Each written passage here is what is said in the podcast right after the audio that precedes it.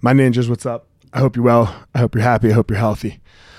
Um, technically, right now it is July 6th, but as you all listen to this, it will be July 7th. And July 7th is my birthday. Um, and this year it's my 40th birthday. And man, I was I've been struggling over the last I don't know, couple months with turning 40. And it's not because I'm actually turning 40. Um, so, and I've been saying up in, up until March the 20th, I was saying that I was 40 just about. Um, I got to do this as a 40 year old, whatever it is, you know, it's kind of what, however I was saying I was 40, I was saying I was 40. And on March the 20th, uh, my best friend died. And when I say my, uh, my best friend Steve, and Steve and I were friends ever since we were n- nine years old.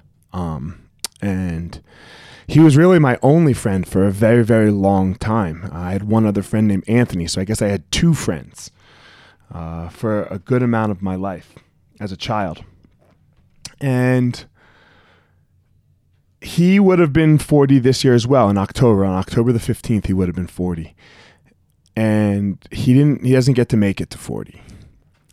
And it kind of fucked with me. It made me stop saying that I'm 40 because uh, the truth of the matter is we only get one day at a time, and tomorrow is not guaranteed. So I really better use this 39th year and 275th day to the best of my ability because I wasn't going to be guaranteed the 276 or the 70, you know? Um, but as I've gotten closer to 40, it, it really started to make me sad. Um, July 4th is normally a big holiday in my family, and I, I felt very sad on the 4th. And it was because this is like the first thing that I can remember, but I don't remember my eighth birthday. You know, like I remember my 10th birthday. I don't remember any of the ones before that. This is the first like delineator of my life where I don't get to share it with him. And uh, I, don't, I don't feel very comfortable with that. It feels very awkward. It feels very weird. It makes me very sad. Um, but it's just practice, right? It's practice of a couple things. It's practice of being sad, just realizing that I'm sad and not trying to fight the sadness. And that kind of helps me get over the sadness, right? When we just accept it, okay, I'm sad. And when it, when it ends, it ends. And it also makes me appreciate everything in my life a little more, right? Every day I get to spend with my family is more important. It, you know, every every day that I get to go out and do what I want is more important. When I say what I want, it's uh, it's it's the work of my life, teaching martial arts and spreading martial arts throughout the uh, throughout our community and my community.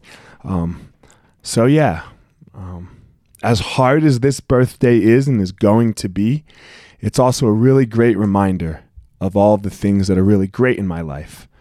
Um, that I do get to be sad and get over it. That I do get to um, appreciate each and every day. That I have amazing friends, and amazing family, um, amazing life just in general. So um, rather than look back on the past 40 years, I'm just going to try to look at today, July 7th, which is my birthday. And I hope to find my power.